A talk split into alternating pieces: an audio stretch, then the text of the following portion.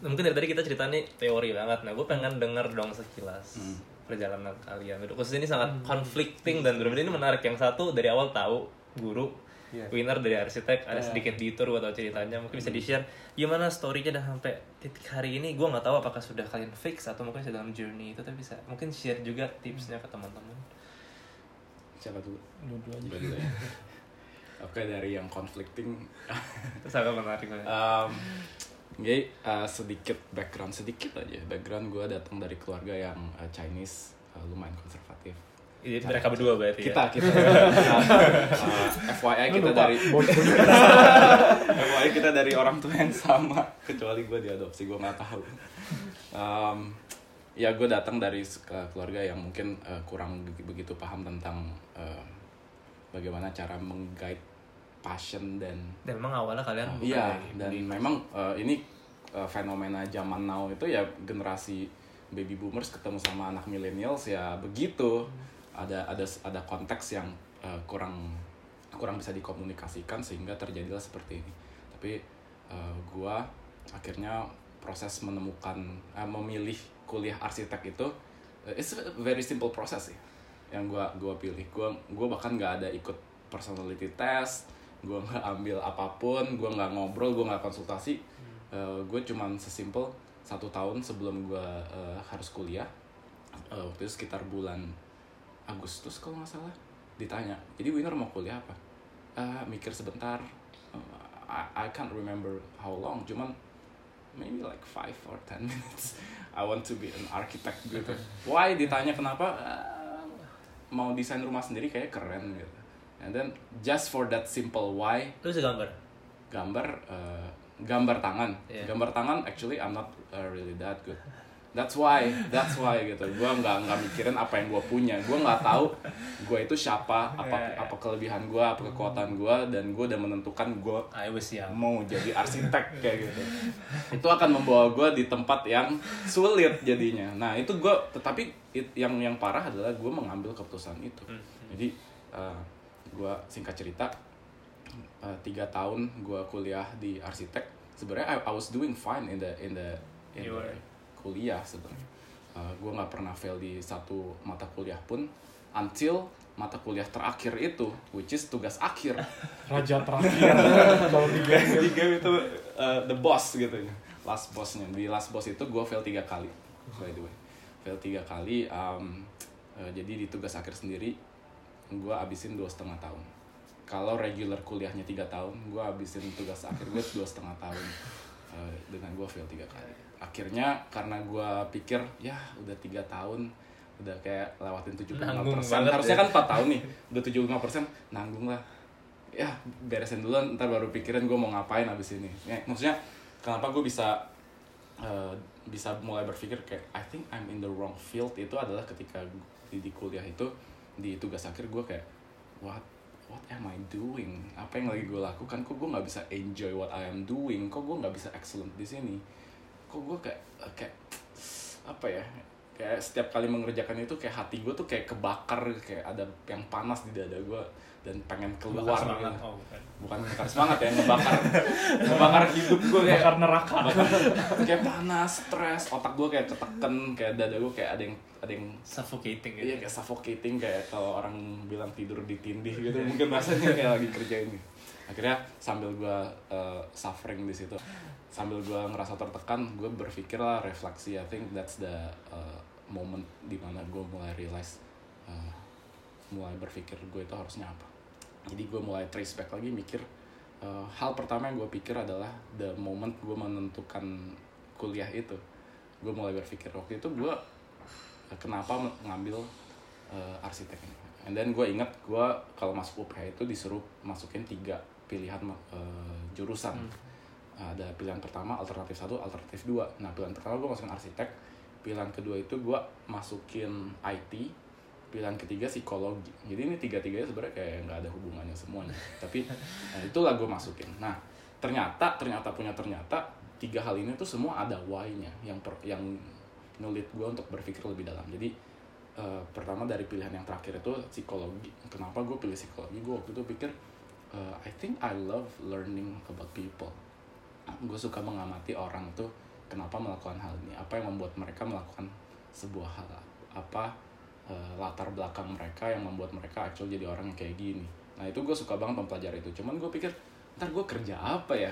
Eh, jadi apa psikologi. nggak waktu kepikiran waktu zaman bayangin anak SMA nggak nggak di guide nggak ada ambil personalitas nggak ada konsultasi sama orang eh, mikir sesimpel ya ntar gue kerja apa ya? Ah nggak tahu lah kerja apa. Ya udah taruh pilihan ketiga lah gitu. terus eh, pilihan kedua gue masukin IT IT itu karena gue actually suka suka komputer. Gue suka hal- hal-hal yang high tech. Kalau lihat di kamar gue ini ada semua audio system ini ada bluetooth receiver gue sambungin sama ini. Gue suka banget. Ini banyak banyak headphone yang udah udah kepake earphone segala macam. Nah gue suka banget teknologi teknologi yang kayak gitu. Uh, that's why gue ambil IT cuman kenapa gue taruh di pilihan kedua? Itu karena gue nggak suka programming. Waktu itu gue pikir waktu gue di SMA uh, Ex- Excel ya, masukin kode-kode if ini Yeah. if itu aja udah gue udah, udah males banget. Jadi gue taruh itu di pilihan ketiga di pilihan Dua. kedua. Gue pikir kan if I have to learn programming ya udahlah boleh lah. Dan bisa menghasilkan kerjaan Ya, yang dan, jelas. dan at least IT waktu itu di pikiran gue oh bisa jadi uh, apa? Hacker. Hacker atau apa. ada pekerjaannya ada di bayangan gue Yeah. gitu lah. And then uh, here comes the first option. Here comes the first option. Ya arsitek sesimpel gue pengen desain rumah gue sendiri. Jadi waktu gue di semester awal semester 1 semester 2 actually nilai gue lumayan bagus sih. Uh, karena di awal-awal itu uh, belajarnya tentang bikin rumah. Dan sesimpel bikin rumah dan bikin rumah itu gue enjoy banget gitu. Kalau kalau main The Sims bikin rumah itu gue paling suka. Gitu. jadi sel- lewat dari eh, mata kuliah bikin rumah udah bikin menara high rise wah itu gue kayak "Hmm, buat apa sih bikin kayak gini? Yang udah mulai ada perasaan-perasaan yang kayak ini apaan sih? Ini omong kosong nih kerjaan kayak gini gitu. Jadi em, di situ gue mulai nge-switch pikir. I think the thing that I love to do the most adalah listening to people. Kembali lagi gue inget gue pernah dengerin uh, teman-teman gue dari zaman SD baru puber sampai actually gue kuliah. Selama gue berkuliah itu yang hal yang gue nggak pernah uh, stop doing tanpa harus disuruh tanpa harus dipaksa itu adalah actually uh, jadi pendengar. pendengar. Temen gue ada masalah gue dengerin. Itu hal-hal yang gue ke ke kampus ketemu temen tuh gue lebih excited daripada kuliahnya. Eh, ketemu gue gue bisa nggak tidur semalaman cuman karena pikirin temen gue eh, permasalahannya apa. Dan gue gue kayak coba mau bedah permasalahan dia di di waktu gue sebelum tidur gitu. Sampai gue akhirnya kecapean dan harus ketiduran di situ eh, momen gue realize eh, gue harus eh, mulai bermanuver hmm. ke arah sana. Banting setir banting setir. Manuver lah bukan banting setir. Karena banting setir itu bakalan banyak kecelakaan. Bikin, bikin banyak kecelakaan. Jadi manuver kecil-kecil is a better thing to do. Berarti sekarang lu lagi mengarah ke situ nyatanya? Actually yes. Huh. yes. And how what you do relates. Um, jadi uh, pekerjaan yang lagi gue lakukan sekarang sebenarnya uh, kenapa gue nggak di arsitek lagi kenapa gue tetap ada di desain? Karena ya ini bagian dari manuver gue uh, gue nggak bisa dari arsitektur udah belajar nih yang udah gue pelajarin selama lima setengah tahun nggak bisa gue unlearn I think skillnya udah ada gitu. jadi uh, skillnya ada tapi gue nggak suka bikin rumahnya. Jadi yang bisa gue lakukan apa? Eh bukan gue suka nggak suka bikin arsitekturnya Ya yang bisa gue lakukan ya tetap ngedesain gue tetap bisa pakai aplikasinya. Dan aplikasinya pakai komputer sebenarnya. gitu. Eh, pakai komputer tuh gue bisa. And then ya udah gue kerjain hal yang le- less stressful which is ya desain. Sekarang gue bergeraknya lebih ke desain grafis. Gue udah pernah coba desain produk juga. And uh, I feel like desain grafis is the least stressful thing yang bisa gue lakukan. Yang tetap gue bisa lakukan dengan excellent. And then this is one of the maneuvers yang gue lakukan. And then meanwhile gue sambil mau ngeker sih uh, kuliah-kuliah uh, selanjutnya studi-studi yang I think lebih relate to uh, the things that I love to do dan bagaimana di dalam konteks of desain kalau nantinya lu akan jadi Hmm, arah hmm. seorang psikolog kan oke lah kita lebih Hmm. bisa relate dalam memuliakan Tuhan tapi Hmm. seorang desainer bagaimana jadi seorang desainer yang memuliakan Tuhan Oh ya, this is an interesting Hmm. thing dan one of the uh, kalau orang bisa ngeliat gue hoki, Hmm. tapi gue ngeliatnya sebagai one of uh, penyertaan dan guidance-nya Tuhan yang kasih gue sebuah pekerjaan di mana gue bisa sambil dimentor oleh uh, one of I think the most influential person in my life. Uh, his name is David Cokro Raharjo. Dia he's a coach. He's a he's a mentor for me, and he's also my boss. And he's he's also my friend. He's also my brother. Dan dia uh, help me to discover and redefine who I am. Hmm. Uh, dia memberikan dia bilang your word uh, will this will apa your world your word describes eh? describes your Define. world defines defines your world jadi uh, the things that uh, I the words that I used to describe myself itu bakal bikin uh, help me to to apa maksudnya nge, nge break down who I am gitu. Jadi kalau gue bilang I'm a failure well I'm a failure at uh, design which which I was which I actually was and I will think like uh, hal-halnya itu semua yang uh, negatif-negatif. Tapi kalau misalnya uh, gua as a designer I'm a designer tapi uh, yang harus di redefine lagi Uh, konsep gue terhadap desain itu waktu itu adalah gue har- harus bisa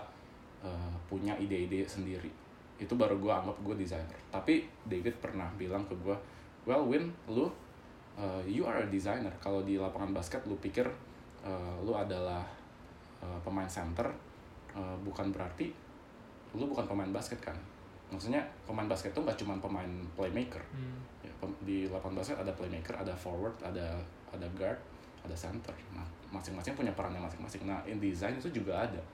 Atau ada orang yang punya ideas ideas konseptor, ada orang yang actually a, very very good executor yang benar-benar tahu bagaimana cara pakai toolsnya dengan baik yang yang bisa pakai aplikasi Corel Draw atau Adobe Illustrator dengan maksimal dan bisa dipakai semua toolsnya di-explore sampai lu bisa bikin uh, masterpiece dari a, a simple ini. Tapi gue actually nggak bisa nggak bisa bikin ide. Itu yang bikin gue stuck di arsitektur sebenarnya Eh, nggak bisa bikin ide-ide baru.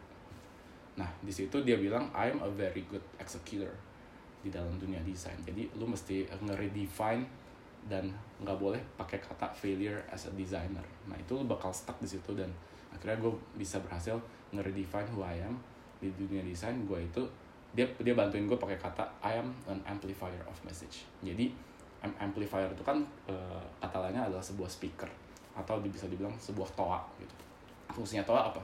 Fungsinya itu adalah untuk memperbesar eh, atau meng- mengolah suara yang masuk ke dalam amplifier itu and then di, dijadikan outputnya suara yang punya kualitas yang lain. Contohnya eh, lebih besar suaranya atau bisa ada echo-nya atau bisa lebih ada distort ininya distort efeknya gitu. Nah gue itu adalah amplifiernya. Dan gue bukan producer producer ideasnya gitu. Tapi gue prosesor idenya jadi konsepnya itu semua actually yang gue lakukan di di company ini sekarang uh, ideasnya semua dari dari my boss and then gue itu kerjanya cuma mentranslate mentranslate ide-ide dia konsep semua dari dia ide ide semua dari dia. Tapi gue cuman cuman kayak yang membuat semuanya itu jadi visual. Kerjaan gue seperti itu aja. Jadi- dan gue bener-bener kayak cuman disuruh aja ininya kayak idenya begini. Gue mau bikin kayak gini eh, kira-kira gambarnya ada kayak gini kayak gini kayak gini, kayak gini. Dan gue bisa pakai toolsnya. Dia udah eh, kasih kira-kira gambarannya gue pengen yang warnanya merah-merah kayak ini karena pengen yang bold bold karena dia actually eh, I- orangnya bisa apa simplifier of complex ideas. Dia itu jago banget untuk merangkumkan sesuatu dalam sebuah idea.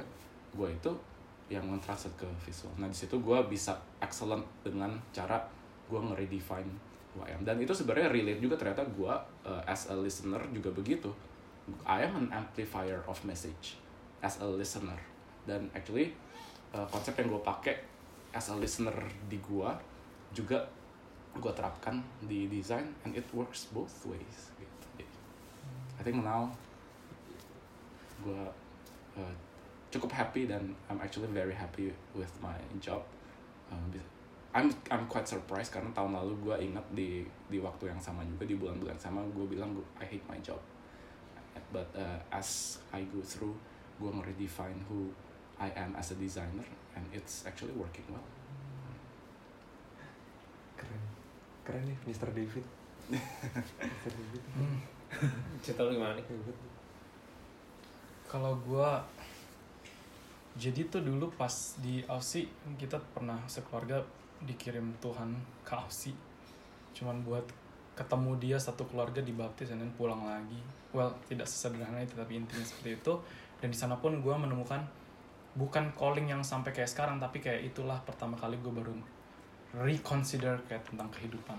Jadi waktu itu di gereja eh, almarhum pendeta Bigman Sirait semi khotbah semi memperkenalkan yayasannya namanya yayasan Nika di Kalimantan Barat di situ dia ceritain gimana dia be- eh, membangun sebuah sekolah di pelosok yang orang-orangnya tidak mampu tetapi dia beasiswain cuman dia minta mereka bayar li- goceng sebulan. Um, jadi dengan goceng sebulan itu gue melihat wah ini maksudnya nggak spoil nggak to spoil them nih. Uh, Pak Bigman itu mau mereka ada tanggung jawab tetapi guess what dengan 5000 sebulan mereka boleh tinggal di dorm. Bukan boleh wajib tinggal di dorm. Weekend pulang Jumat malam pulang Sabtu Minggu ketemu orang tuanya. Di situlah anak-anak itu bertumbuh mengenal identitasnya di dalam Kristus. Dan pulang mereka boleh sharing ke papa mamanya yang belum meng- mengenal Kristus. Dan di situ uh, my heart shaken. Gue tergetakan. Jalan dari gedung gereja ke parkiran gue gelisah gue nggak tenang. Ada ada sesuatu yang nggak beres gitu maksudnya I feel like menggebu-gebu ya tapi kayak gue merasakan Tuhan manggil gue ke sana. Pulang ke Indo uh, nah ini makanya menarik. Bagi gue calling itu progressive revelation. Gue pikir gue tersentuh sama kesenjangan sosialnya which is kemiskinannya bukan di pendidikannya. Sehingga gue mikir gue mau memperjuangkan rakyat miskin ya. Gimana caranya supaya mereka punya akses ke pendidikan I think I'm gonna be a lawyer. Jadi pertama kali gue ambil formulir di UPH gue udah gue daftar sebagai eh, jurusan hukum. Nggak usah tes nggak usah apa keterima. Udah tinggal tunggu masuk tinggal tunggu UPHS tapi dalam periode nunggu itu nggak tahu kenapa nah itu. Nyokap gue itu selalu dipakai Tuhan. Dulu kita nggak pernah ke gereja nyokap gue juga bukan orang Kristen tapi mereka eh, apa nyokap gue suruh selalu nyariin gereja buat kita. Udah lo sekolah minggu daripada nonton Doraemon di rumah tiga tiganya gitu ya. Jadi padahal dia nggak percaya percaya Tuhan Yesus gitu. Nah sekarang di momen gue udah tinggal masuk jurusan hukum Tuhan pakai nyokap gue untuk duduk di meja makan lagi cuman berdua. Kok beneran mau ngambil hu- hukum ya? Lu yakin? Kenapa nggak HI aja? Terus kayak ini gue aja kagak bener kata-kata HI kok lu tahu soal HI gitu? Ya udah gue cari tahu lebih lagi tentang HI nah ternyata di HI ada belajar tentang hukum juga dan ada belajar tentang organisasi internasional juga which is UNICEF. Nah di situ gue pikir kayaknya lebih tepat gue di UNICEF karena di UNICEF pasti ada uh, legal advisornya dan di sana dia bekerja untuk anak-anak miskin dan perambat di dunia pendidikan juga gitu. Oke deh di satu sisi gue suka uh, belajar soal uh, global issue kayak terorisme, international politics kayak gitu, kecuali international economy udah ah hebat banget. Tapi gue pikir ya udah gue ambil HI mesti tes. Jadi mesti rempong lagi. Tapi kayak Tuhan dorong gue untuk lakuin itu semua. Dan akhirnya gue masuk HI karena gue suka sama subjeknya. I aced that gue SD SMP SMA tuh sekolah nggak pernah bener dah. Gue maksudnya cuma buat main doang ke sekolah.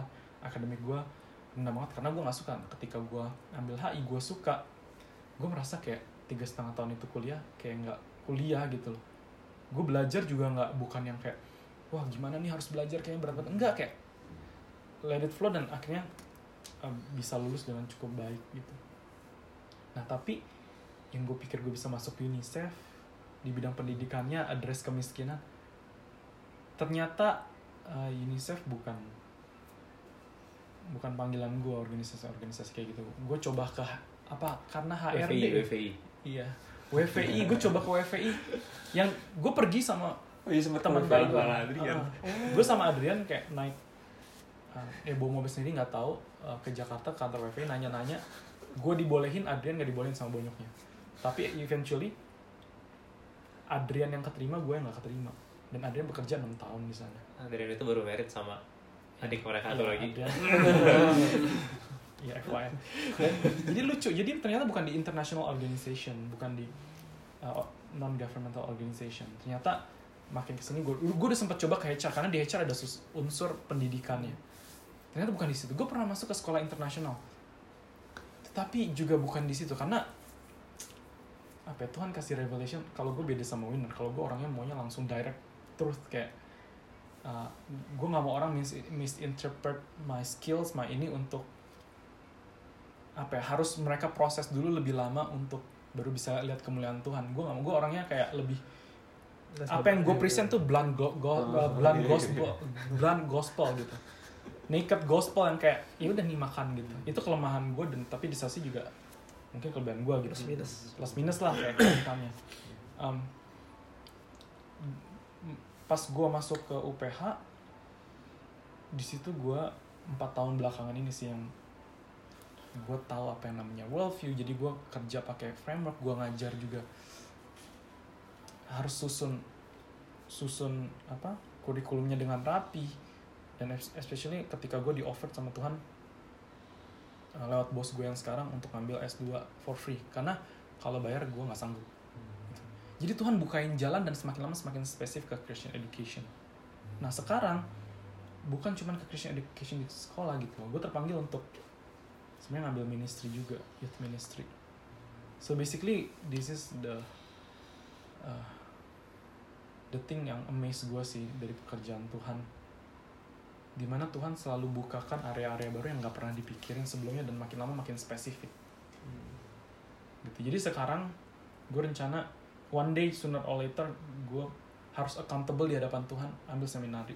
We don't know when kita bisa membuat rencana tapi Tuhan yang menentukan dan kalau gue udah dapat pendidikan tapi tidak mempelajari Alkitab dengan accountable dengan jalur, jalur pendidikan formal gue merasa kayak gue nggak nggak menjadi alat Tuhan yang accountable. Bukannya mau menjadi self righteous enggak. Tapi maksudnya kalau gue bisa dan sekarang beasiswa banyak gitu di Amerika mereka offer lumayan banyak.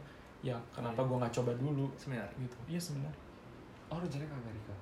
iya ya i- kalau God's willing ya Tuhan akan bukakan, jalan. Tapi kalau Tuhan bilang enggak sekarang ya ya udah juga nggak apa-apa gitu. Masih banyak area yang bisa dieksplor di pendidikan. Toh gue bersyukur Tuhan kasih gue bertumbuh di gereja GKI BSD resourcesnya banyak ada kalian-kalian yang bisa ya pelan-pelan belajar tentang God's word gitu. Kalau lu sendiri gimana Tim? Setelah kita dengar cerita-cerita mereka, masuk lagi, lu melihat gimana dengan live calling lu? Aduh, masih susah ya. Tapi banyak banget tercerahkan sih. Banyak banget apa insight-insight baru yang apa ya? Baru lah buat buat gue pribadi. Dalam mencari juga. Iya, dalam mencari juga, dalam menspesifikan. Setuju banget progressive revelation. Kayak sekarang ya jadinya lebih tahu aja baru masih mencari apa yang disuka dulu nih. Hmm. Jadi mungkin uh, masih stepnya jauh banget dibanding sama Kowin sama Koniko ya. Jadi masih lebih ke mencari apa yang disuka dulu sekarang. Cuman kalau mau ngomongin bulan atau enggak, kayaknya lebih yang enggak bulan deh tipenya. Kalau Koniko kan yang bener-bener open banget menyampaikan apa tentang kemuliaan Tuhan itu dan segala macamnya. Hmm. Kalau kalau misalnya gue mungkin lebih kayak Kowiner kali yang dibungkus dengan rapi gimana caranya supaya nggak tahu. Mungkin ya personal orang. Cuman eh, ya jadi proses sih. Jadi maksudnya perlu banyak hal yang perlu dibedah juga dari diri sendiri juga. Mulai dari who-nya tadi sampai ketemu how-nya selalu ada dua pandangan itu sih. Gue Mm-mm. gue walaupun gue melakukan pekerjaan atau calling yang istilahnya mempresent uh, gospel secara belak-belakan maksudnya secara direct tapi gue percaya ada yang bilang kan bahkan pemerah susu pun bisa glorifying God kok. Hmm, Luther yang sapi. ngomong ya? Hah? Martin Luther yang ngomong. iya siapa tuh yang Iya, ngomong iya, lah Luther pokoknya yang ngomong. lu jadi pemerah susu sapi pun lu bisa Iya, glorifying God gue tetap percaya itu but Mm-mm. it's, it's not me dan gue nggak kan ada yang bilang juga kayak ada pekerjaan-pekerjaan yang pekerjaan yang memang Tuhan desain ada yang Tuhan nggak desain nah ya, itu tuh kalau ya Pak Yakub Susada punya Ada ya? punya pandangan seperti itu dan dia punya argumentasinya uh, Kenapa cuman nggak didesain? Eh, ini ini teologis dan panjang, cuman emang ada banyak pandangan tentang itu. berarti buka satu sesi sita lagi ya memang ternyata kita ini Jangan panjang loh waktunya hari ini kita Iya. expect 30 to 45 minutes tapi ternyata kayaknya begitu banyak yang bisa kita pelajari banyak banget sini. calling nah satu lagi Iya, iya. kenapa calling ini menjadi bisa dikupas sedemikian rupa dan akhirnya panjang karena menurut gue gini calling itu bagian yang paling krusial ya selain who am I itu yang satu paket. Karena begitu calling dapat again calling revelation secara progresif iya. Tapi begitu udah dap- dapat gambaran besarnya udah tahu kita diciptakan untuk glorifying and enjoy him itu semua uh, falls into the right place. Kayak misalkan relasi antar keluarga itu juga recover step by step dengan pasangan dengan pertemanan di pekerjaan di pelayanan gereja. Ya. Tuhan ya bukan berarti nggak ada masalah enggak tapi maksudnya lu bisa nemuin joy in other aspects of our lives gitu. Jadi calling dulu nemu yang lain nggak usah dipikirin ntar beli rumah pakai apa? Ya kan? Nikah pakai apa? Kayak gitu. Eh, ya ada aja gitu ya tadi uh, Poin terakhir. poin terakhir kalau gue boleh menyampaikan. Hmm. satu dua patah kalimat terakhir. Em, satu hal yang eh, akan membuat kita ngerasa eh, down. Jadi ini ini paradoksnya sih. The joy that we want to apa achieve. Itu juga actually the most the scariest thing ever. Karena the moment we know that calling kayak maksudnya ada ada kayak ada snap moment kayak ah this is it. Itu the moment that we know ada hal-hal yang harus kita adjust di dalam kehidupan kita. Banyak hal-hal yang harus kita akhirnya kayak waduh Harga yang harus dibayar. waduh lima setengah tahun kuliah gue mau ke mana gitu kan. Jadi ada ada harga-harga yang memang harus dibayar ketika kita reveal. The longer we are in that uh, cloudy moments uh, di cloudy life kita nggak tahu mau ngapain the moment itu yang harus kita bayar juga nah itu the scary thingnya. Nah tapi the good news is kita punya uh, Tuhan yang uh, men- menyediakan segala sesuatu. Kayak kalau kita kalau misalnya Tuhan bilang oke lu harus ke harus naik gunung ya Tuhan pasti kasih kita peralatan dan equipment dan kebutuhan segala macamnya. Ya, Tuhan suruh Mu- Musa eh, ke Mesir ya Tuhan bilang lu punya apa? Ada tongkat di tangan ya itulah. Maksudnya kita punya tongkat kita masing-masing yang eh, kita nggak perlu khawatir. Dan dan eh, kalau gue boleh share dari kehidupan gue sendiri eh, gue sebenarnya punya this one word yang gue mau jadi eh, mau jadi orang itu jadi apa? Gue pengen jadi counselor sebenarnya. I want to be a counselor. Dan itu apa hubungannya sama arsitek ya kan? Tapi uh, the good news is if you are revealed something to you Tuhan uh, you berhasil discover apa yang Tuhan memang intend you to be uh, you don't have to be that person tomorrow Nah, you you you have to be faithful in the journey lakukan manuver-manuver kecil yang uh, memang arahnya ke situ. Tapi sometimes memang ada yang kayak kalau you are privileged enough atau punya uh, resources yang cukup untuk bisa banting setir ya you go banting setir. Tapi uh, generally I think uh, life needs uh, strategi, life needs uh, banyak aspek di kehidupan kita yang nggak bisa kita banting setir begitu aja. Nah, ini lanjutin dikit lagi. Gue merasa gue pengen sharingkan sedikit yang supaya teman-teman nggak mengulang kesalahan yang sama. Memang nggak usah harus banting setir. Gue udah lebih clear dari awal panggilan gue di pendidikan. Gue pengen bikin sekolah one day. Nah tapi ternyata For now. ya for, for now juga masih. Nah ternyata gue pikir calling sekunder gue itu udah nyambung sama inline sama calling primer gue karena cara merelate-nya tuh gampang sekali. Tapi secara on paper, yes I can relate. I know what Christian education is. Tapi gue sebagai penjalannya, alat yang Tuhan pakai, gue waktu itu selama 3-4 tahun punya calling, punya tujuan gue bikin sekolah sendiri, tapi hati gue gelisah terus. Itu merubah gue jadi orang yang pelit karena gue ngatur keuangan gue karena gue tahu bikin sekolah itu butuh fund yang sangat besar. Jadi gue nabung abis-abisan dan gue kayak jadi orang yang nggak mau peduli akan kesusahan orang lain. Jadi gue memegang kekhawatiran gue di uh, funding di di finance tuh gue pegang terus. Nah sampai gue di challenge sama dosen gue waktu itu. Di sini siapa yang mau bikin sekolah gue angkat tangan? Terus uh, kalian ada perasaan khawatir nggak? Gue bilang iya ada. Kenapa? Karena takut biayanya nggak cukup nah itu salah satu indikator jangan-jangan sekolahnya lu mau bikin bangun buat sekolah Diri lu sendiri. bukan sekolah Tuhan. Iya ya kalau gue boleh jujur sama myself iya oh ternyata second calling gue walaupun secara permukaan itu buat Tuhan ternyata gue sendiri belum menyerahkan second calling gue buat Tuhan. Karena dosen gue bilang kalau memang Tuhan manggil lu untuk bikin sekolah dia akan kasih semua resource dia akan make it happen bukan lu lu cuma alat doang. Hmm, Terus gue kayak di situ gue tobat untuk kesekian kalinya sih kayak tobat dalam hal me- menjalani uh, panggilan sekunder gue hmm. Oke, karena kita sangat terbatas oleh waktu dan ya begitu banyak banget sih menarik banget sih hari ini. Gila, gue nggak nyangka kita bakal bahas luas ini dan se kaya ini.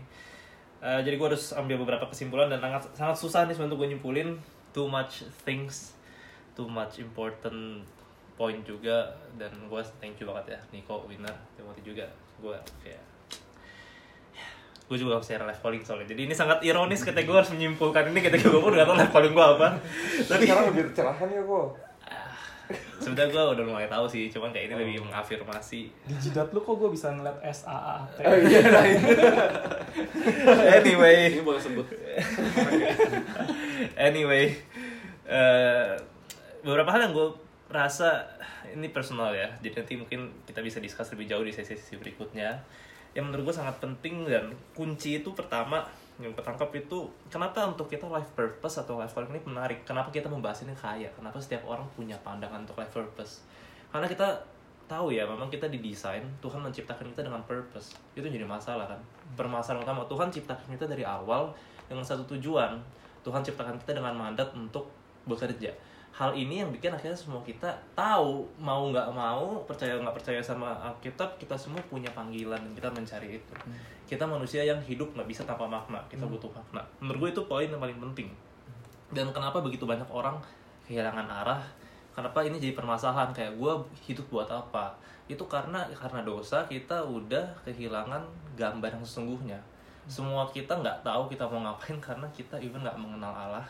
Yang berarti kita nggak mengenal diri Hmm. berarti kalau gue ambil dari tadi dari kisah-kisah semua dari cerita kalian kita pun proses winner dan Nico pun proses. Nico yang paling jelas pun mau ke mana masih proses disebabkan oleh kebutaan itu. Hmm. tetapi life purpose itu kita mencari bukan kita menemukan begitu aja. Gue ngelihatnya dari kisah-kisah kalian ya. Apa pun itu mau jadi jelas kayak yang blunt atau mau yang tertutup prosesnya gue lihat sama. Selalu Tuhan yang akan bukakan jalan. Tuhan akan kirimkan kondisi Tuhan akan kirimkan orang-orang yang somehow itu ternyata mengarahkan.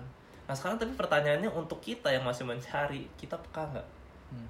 yang masih belum tahu kita ketika Tuhan kasih kita tanda kita kan bisa doa minta tanda padahal Tuhan udah kasih tanda melalui lingkungan. Kita peka atau nggak? Itu pertanyaannya. Hmm. jadi Indian ini menarik banget ketika orang fokus ke life calling gue ngelihatnya ya fokus kita harus cari life calling tapi first and foremost kita harus kenal dulu siapa kita dan siapa Tuhan. Kan oh sorry kita harus kenal dulu siapa Tuhan dan siapa kita. Hmm. dan gue rasa kalau kita benar-benar mengenal Tuhan dan diri kita otomatis kita akan tahu oh this is what God wants from me ini yang Tuhan mau dan ketika kita tahu Tuhan mau kita ngapain itu life calling kita Hmm. kalau Tuhan mau winner jadi seorang counselor dia akan jadi counselor yang akan memuliakan Tuhan dan dia akan enjoy banget di pekerjaannya dan kalau ternyata memang Tuhan maunya winner jadi desainer karena itu yang Tuhan siapkan untuk dia walaupun mungkin dia pikir dia mau jadi counselor dia pun akan nantinya in the end finally setelah dia lebih peka dan lebih sadar jadi seorang desainer yang Hmm. sungguh memuliakan Tuhan Hmm. jadi ya menurut gue ini menarik banget dan mungkin memang beberapa hal praktis yang agak sulit tapi kalau bisa share sedikit kayak gue kan di bidang bisnis gue kerja dan gue nggak enjoy sama sekali sama kerjaan gue kayak gue ah, every morning is torture. Tapi itu juga gue kadang mikir salah juga mikir begitu. Tapi sekarang gue membungkusnya dengan begini. Gue ke kantor udah berapa hari ini gue penginjalan sama karyawan-karyawan gue dan kayak that's a way lu bisa memuliakan Tuhan di dunia sekuler sekalipun. Kayak lu kerja di tapi menurut gue itu adalah karena ultimately kalau gue lihat ujung-ujungnya setiap calling, setiap panggilan itu, setiap pekerjaan memuliakan Tuhan dalam rangka kita mengabarkan Injil kan. Hmm, Apakah itu secara nggak langsung melalui hidup kita yang berintegritas Hmm. atau secara langsung kita ajak mereka ngobrol. Hmm. Jadi kalau kayak Timothy di bank menurut gue lu bisa memuliakan Tuhan Betul. melalui hidupmu atau lu ngomong betul. langsung. Gitu sih. Apalagi banyak yang non ini loh. Pasti banyak. Kita di sini 8 dari 10 orang kan 80 persen non believer. Hmm. Ya, sebenarnya begitu banyak lahan, begitu banyak ya dan gue juga sangat setuju dengan perkataan kita itu life is a process. Hidup itu proses berjalan dengan Tuhan. Jangan sampai kita salah fokus, kita fokus di panggilannya.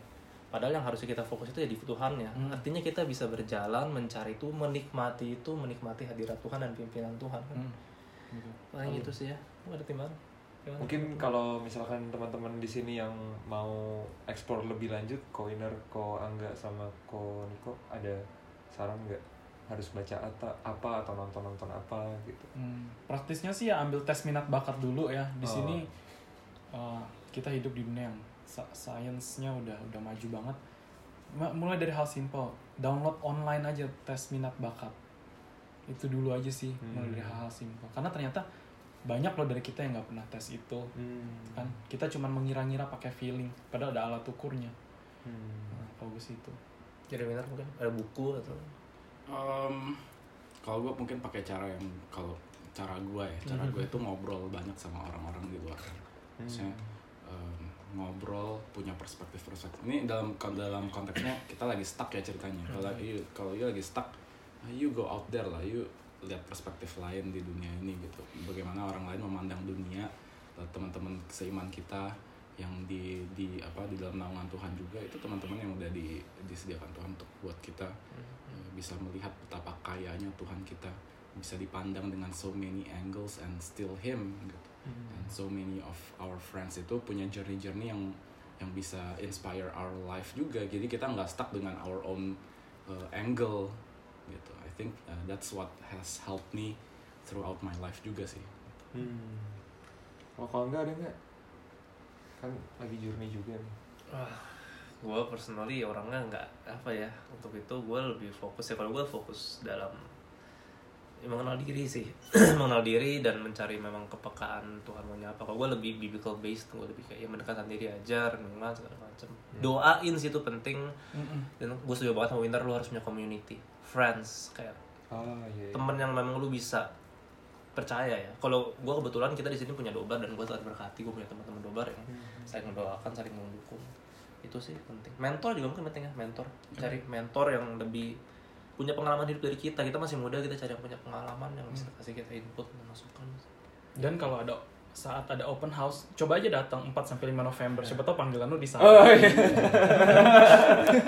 atau atau uh, nah ini uh, on a serious note-nya uh, kalau kita pikir kita mau punya mentor and salah satu hal yang udah membantu gua uh, mengenal siapa gua adalah bukan cari mentor sih tapi jadi mentor. Coba aja jadi a mentor Iya. uh, to someone. You never know Yeah. you bisa apa. Karena gini dengan you berinteract dengan someone misalnya contohnya gua di anak sama anak-anak remaja gue nggak pernah tahu kalau I really have this thing in me ketika sebelum gue ketemu mereka ketika gue ketemu mereka kayak mereka cerita tentang kehidupan mereka and then, and then I think kayak wow I have done I have been there I've been I've done that gitu kayak gue bisa share all my uh, my life and help them through and then itu juga help me reflect on myself ja- juga jadinya kayak gitu jadi even anak-anak yang jadi menti-menti kita bisa jadi Membantu kita. membantu kita discover who we are juga Oke, segitu dulu kali ya teman-teman Karena semua. waktu ya. thank you Ya, juga. thank you, thank you semua. Thank you. Thank you Ko Angga. Buat teman-teman yang dengerin, jangan lupa dengerin podcast kita yang lainnya juga. Ini mungkin diskusi ini nggak santai lagi ya, agak berat ya. Tapi yang lain santai kok. Tapi ini cara duduk kita santai banget ya. Gue Iya. jalan di lantai. Udah santai banget sih. Nah, terus habis itu kalau misalkan teman-teman ngerasa podcast ini juga bermanfaat, boleh bisa di-share ke teman-teman yang lainnya. Ke teman-teman yang lagi mungkin mencari tujuan hidup atau mencari life callingnya, ya kan, bisa di-share.